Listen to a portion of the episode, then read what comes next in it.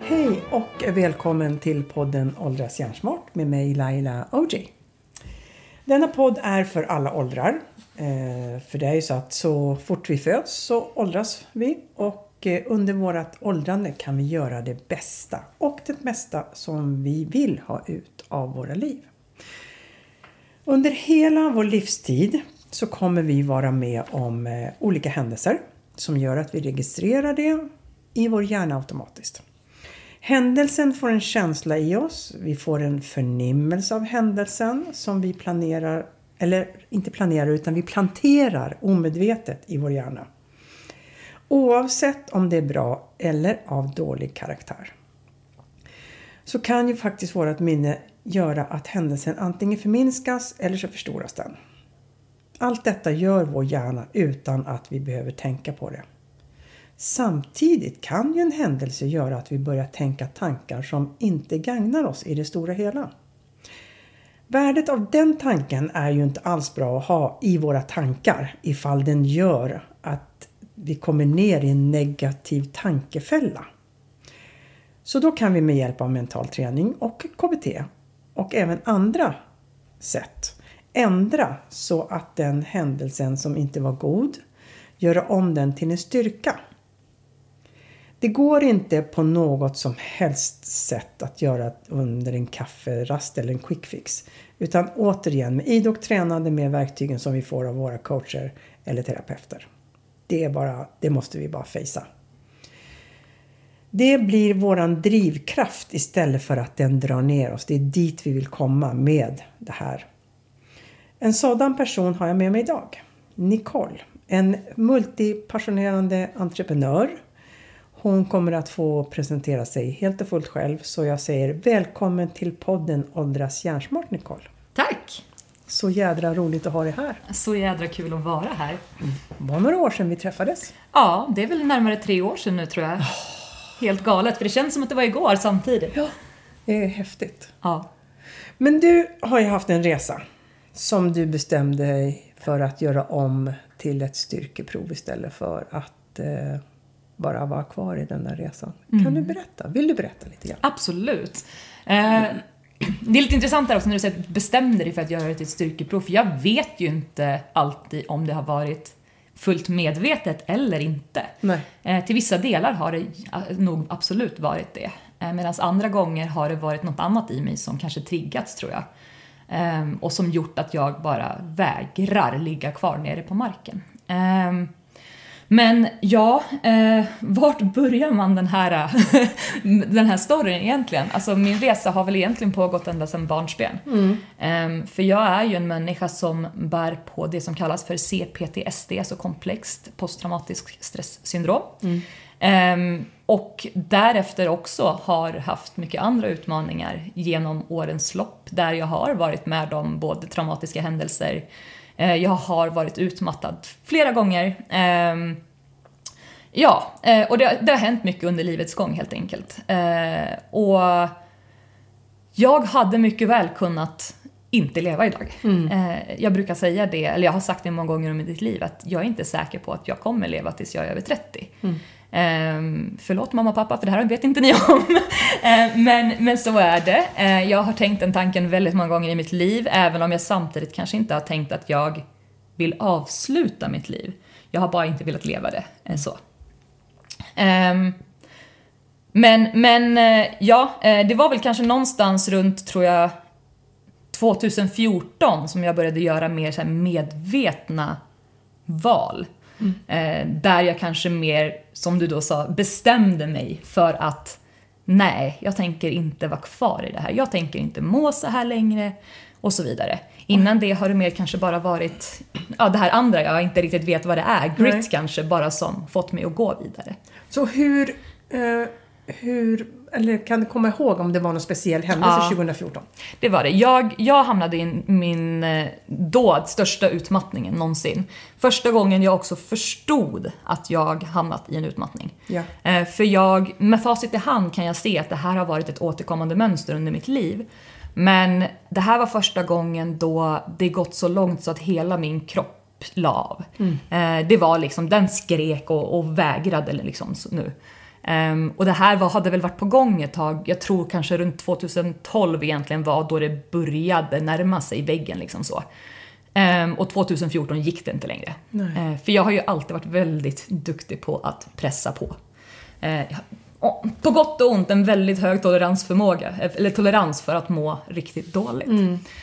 Ehm, men 2014 då hade det helt enkelt gått så långt så att eh, ja, men kroppen började stänga ner, eh, jag började tappa liksom kognitiva funktioner, jag började tappa ja, men muskelkraft, jag kunde tappa saker helt plötsligt. Alltså, jag jobbade som servitris en period och det var ju ganska jobbigt då att gå med tallrikar och helt plötsligt tappar du hela alltså, förmågan att hålla uppe saker överhuvudtaget och så vidare. Eh, fick mycket liksom, eh, kroppsliga eh, problem, alltså symptom och, och sådär. Eh, och jag förstod det först inte för att jag var också i min bästa form någonsin. Jag var väldigt vältränad, jag var utbildad personlig tränare. Eh, jag var på gymmet liksom fem, sex gånger i veckan och sådär. Så att det var ju liksom inte, det borde inte se ut så här tyckte jag. Ehm, men det gjorde det. Ehm, och, ja. Efter, alltså när du, när du hade kommit ner, alltså, för det är ju faktiskt så, du kommer ner till botten. ja. Och eh, vad i den här eh, resan var det som... Var fick du hjälp någonstans? Jag fick För- inte Nej. hjälp. Du fick hitta den själv? Ja, och det var väl det som kanske också är en del av drivkraften, för jag blev förbannad. Ja. Jag blev så jävla förbannad, för jag, när jag började förstå eh, vad som var fel, att, jag, att det var en utmattning det handlade om, eh, i och med att jag alltid har varit en nyfiken person så började jag ju försöka hitta svar. Liksom. Ehm, och jag sökte såklart läkarhjälp till slut, när det inte gick längre. Ehm, men ja, blev bortviftad. Ta en sömntablett och ta en Ipren. Och det är sådär klassiskt som man hör så många. ja. Ehm, och jag blev förbannad för jag menade på att det här är inte bra nog. Eh, jag förstår att det här handlar om stress, jag förstår att det handlar om gammal skit som jag behöver ta itu med och så vidare. Och jag propsade på att jag, kan jag inte bara få en remiss till en stressklinik, till en smärtklinik, till en psykolog och så vidare. Och jag behövde bråka så himla mycket för att få det. Ehm, och jag fick ju, det enda jag fick var ju till slut en remiss till en psykolog. Det var det jag fick. Ehm, motvilligt kan man väl tillägga. Ehm, så. Tänk vad häftigt det hade varit. För både du och jag, du var ju här igår kväll hos mig och då hade du också möjligheten att titta på en eh, föreläsning genom FunMed. Mm. Eh, Nils, nu kommer inte jag ihåg exakt hans namn, men, men funktionsmedicin eh, i Stockholm som de har den här eh, kliniken och han eh, Alltså vi pratade ju verkligen om det senare också. Mm. Tänk om vi hade fått kunskapen om det här med funktionsmedicin och eh, om då funktionsmedicin kunde ha fått kommit in mer i själva vården. Ja, vården är ju så otroligt långt efter där och så väldigt rigid liksom i sitt sätt att, att titta på de här problemen på. Och det är ju det vi pratade om, liksom, att det är ju alltid liksom symptomlösningar man kommer fram till. Det är det man ska dämpa istället för att titta på varför Precis. har du hamnat här? Varför är du stressad? Varför mår du dåligt? Varför är du sjuk? Varför har du ont? Ehm, och det är väl det som är så otroligt frustrerande eh, om man är en person som jag vill ta itu med orsaken, för jag vill inte hamna här igen. Och allt som dämpar symptom, det tar ju inte bort problemet. Nej. Hur gjorde du rent krasst? Ja, alltså jag började ju leta efter alternativa sätt att göra det på. Eh, alternativa förklaringsmodeller till vad det var som var orsaken. Ehm, jag började titta mycket på naturmedicin, på, på mer eh, ja, men typ österländsk medicin. För där har man ju en helt annan utgångspunkt kring hur själen och kroppen och, och allt det här hänger samman. Liksom. Och att du inte bara kan behandla en sak utan att ta i den andra. Ehm, bland annat då så hamnade jag hos en, eh, vad ska man kalla det? En holistisk läkare skulle Ja. man väl kunna säga då. Um, ute söder om Stockholm någonstans, jag kommer inte ihåg exakt var det var nu. Men han bland annat då höll på både då med qigong som, som metod för att liksom eh, läka kroppen eh, och sinnet. Eh, han var även då terapeut eller samtalsterapeut och eh, jobbade med eh, olika typer av massage och akupunktur och sådär också då. Bland annat en massagemetod som jag tror kallades för tuina, om jag minns rätt. En typ av andningsmassage. Okej. Ehm, som var, och gjorde jättestor skillnad för mig. Det och akupunkturen och hela den här biten då. Måste bara få fråga, den här andnings... Ja, Hur, alltså... Vad... Fick du andas på olika sätt? Nej, alltså den, den var mer koncentrerad kring muskulaturen runt alltså andningsorganen helt enkelt. Då. Ehm, och det handlade mycket om att lösgöra spänningar som hamnar där runt för att kan vi inte syresätta våra kroppar så ligger vi ganska mycket på minus redan där. Precis. Ehm, och då gjorde vi en sån här grej att vi mätte bröstkorgen före och efter massagen. Eh, och det är en sån här sak som verkligen stannat hos mig för att jag kommer ihåg att efter den här första massagen så var min bröstkorg 7 cm bredare. Det är helt sjukt. Det är jätte, 7 cm är jättemycket. Ja. Ehm, och bara för, och det, och det är ju som att du går runt med en konstant korsett liksom. Eh, och det är inte konstigt att man är trött och tappar liksom energi och mycket sådana här saker när du inte kan syresätta din kropp. Helt logiskt egentligen, men det är aldrig någon som pratar om det. Nej, alltså om du inte är men- alltså, neurobaserad mental Ja. tränare, då gör man ju det. Då får man ju liksom lära sig verkligen den grundliga, alltså grund mental träning. Alltså Mm. grundläggande muskelavslappning, grundläggande mental avslappning. Mm. Så det är ju liksom grunderna innan du kan bygga upp dig själv. Det är att du ska kunna avspänna dig själv. Ja. Och det här är ju så, för det är så kul för att man får ju höra så ofta där med att ja, men det är bara att djupandas, det är bara att ta ett djupt andetag och så vidare. Men jag kunde inte ta ett djupt andetag. Det på riktigt, jag kunde inte det. Eh, när jag tog ett djupt andetag stannade det fortfarande uppe i bröstet. Precis. För det gick inte. Mina muskler var så otroligt alltså, spända att det gick inte. Och då kan vi bara tänka oss då om, alltså om det är så spänt överallt, om vi inte har något flöde i kroppen. Jag menar, alltså, hur kan våran hjärna överhuvudtaget funka? Nej. Det gör den ju inte. Vi kan ju liksom inte.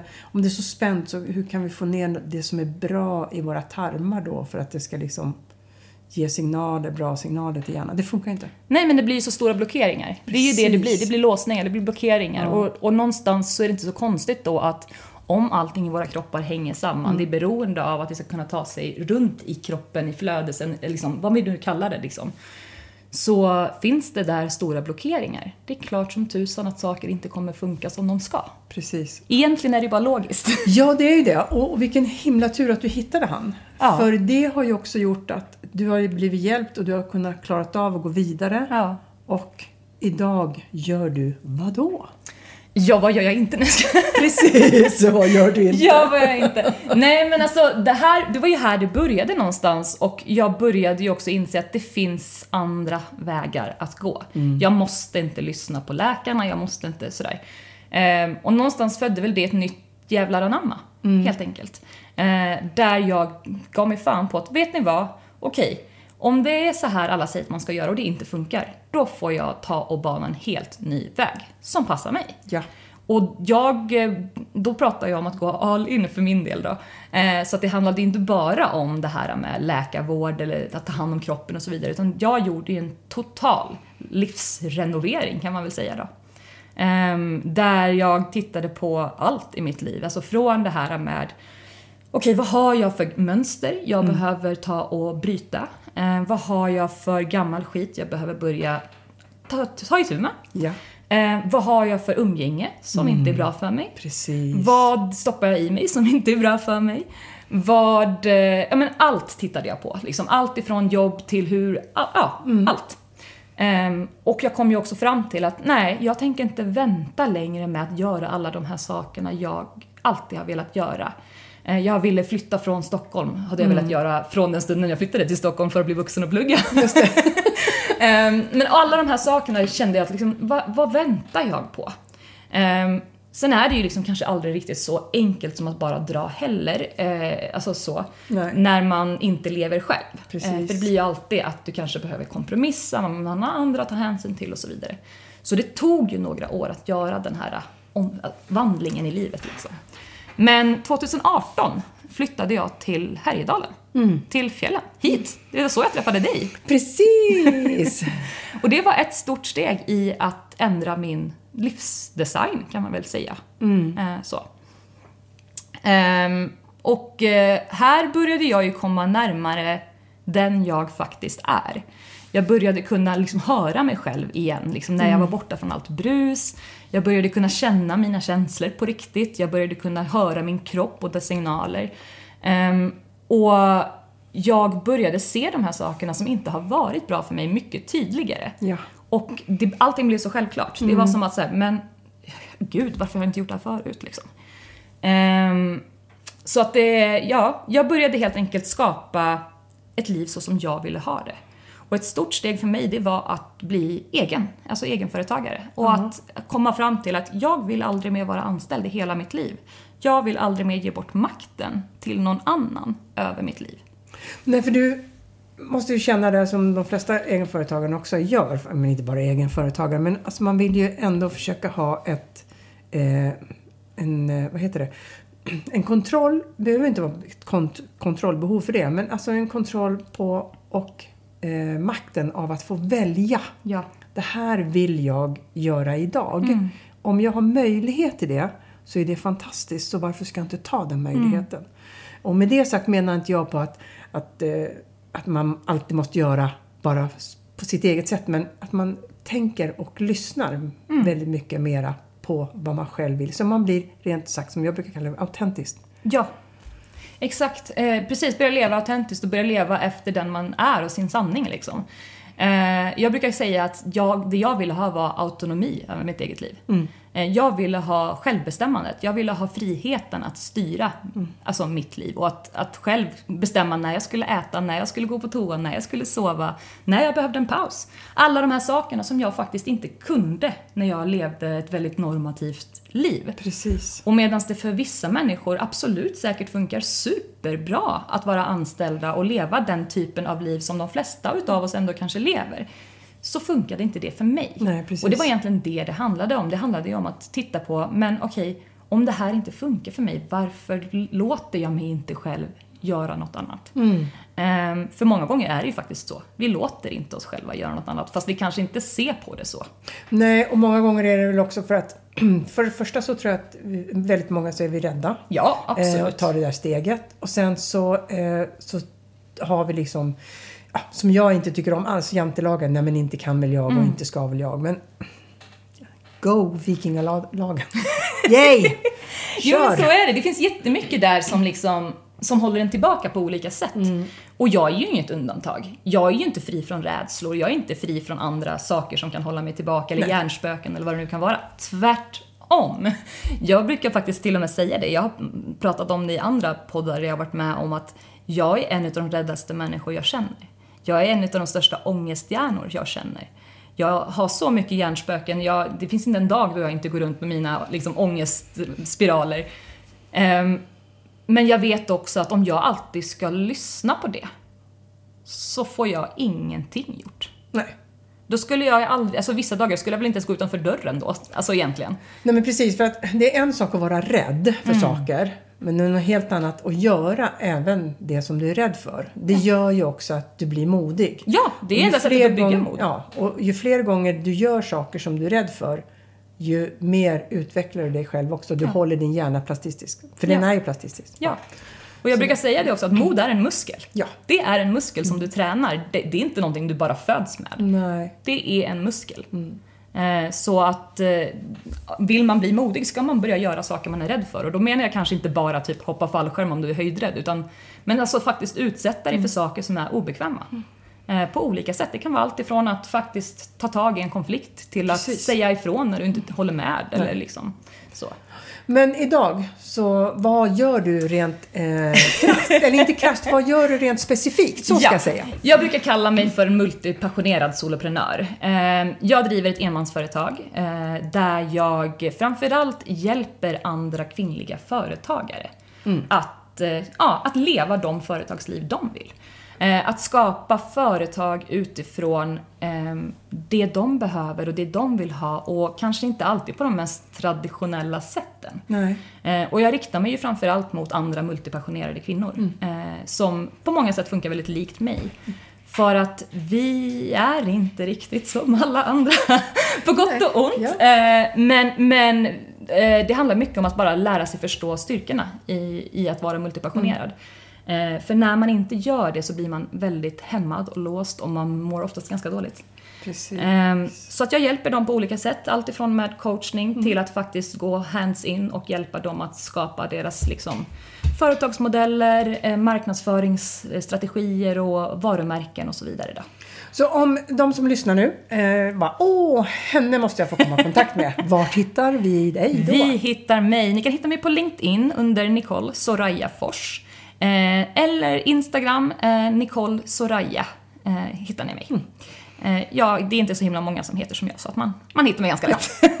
Och jag kan lägga in en parentes att Nicole, när hon bodde här så hade ju, hon har det fortfarande, de har draghundar. Och Ja. jag fick vara med på min första slädtur och det var så häftigt. Och det var en sån cool vinterdag. Jag kommer aldrig glömma.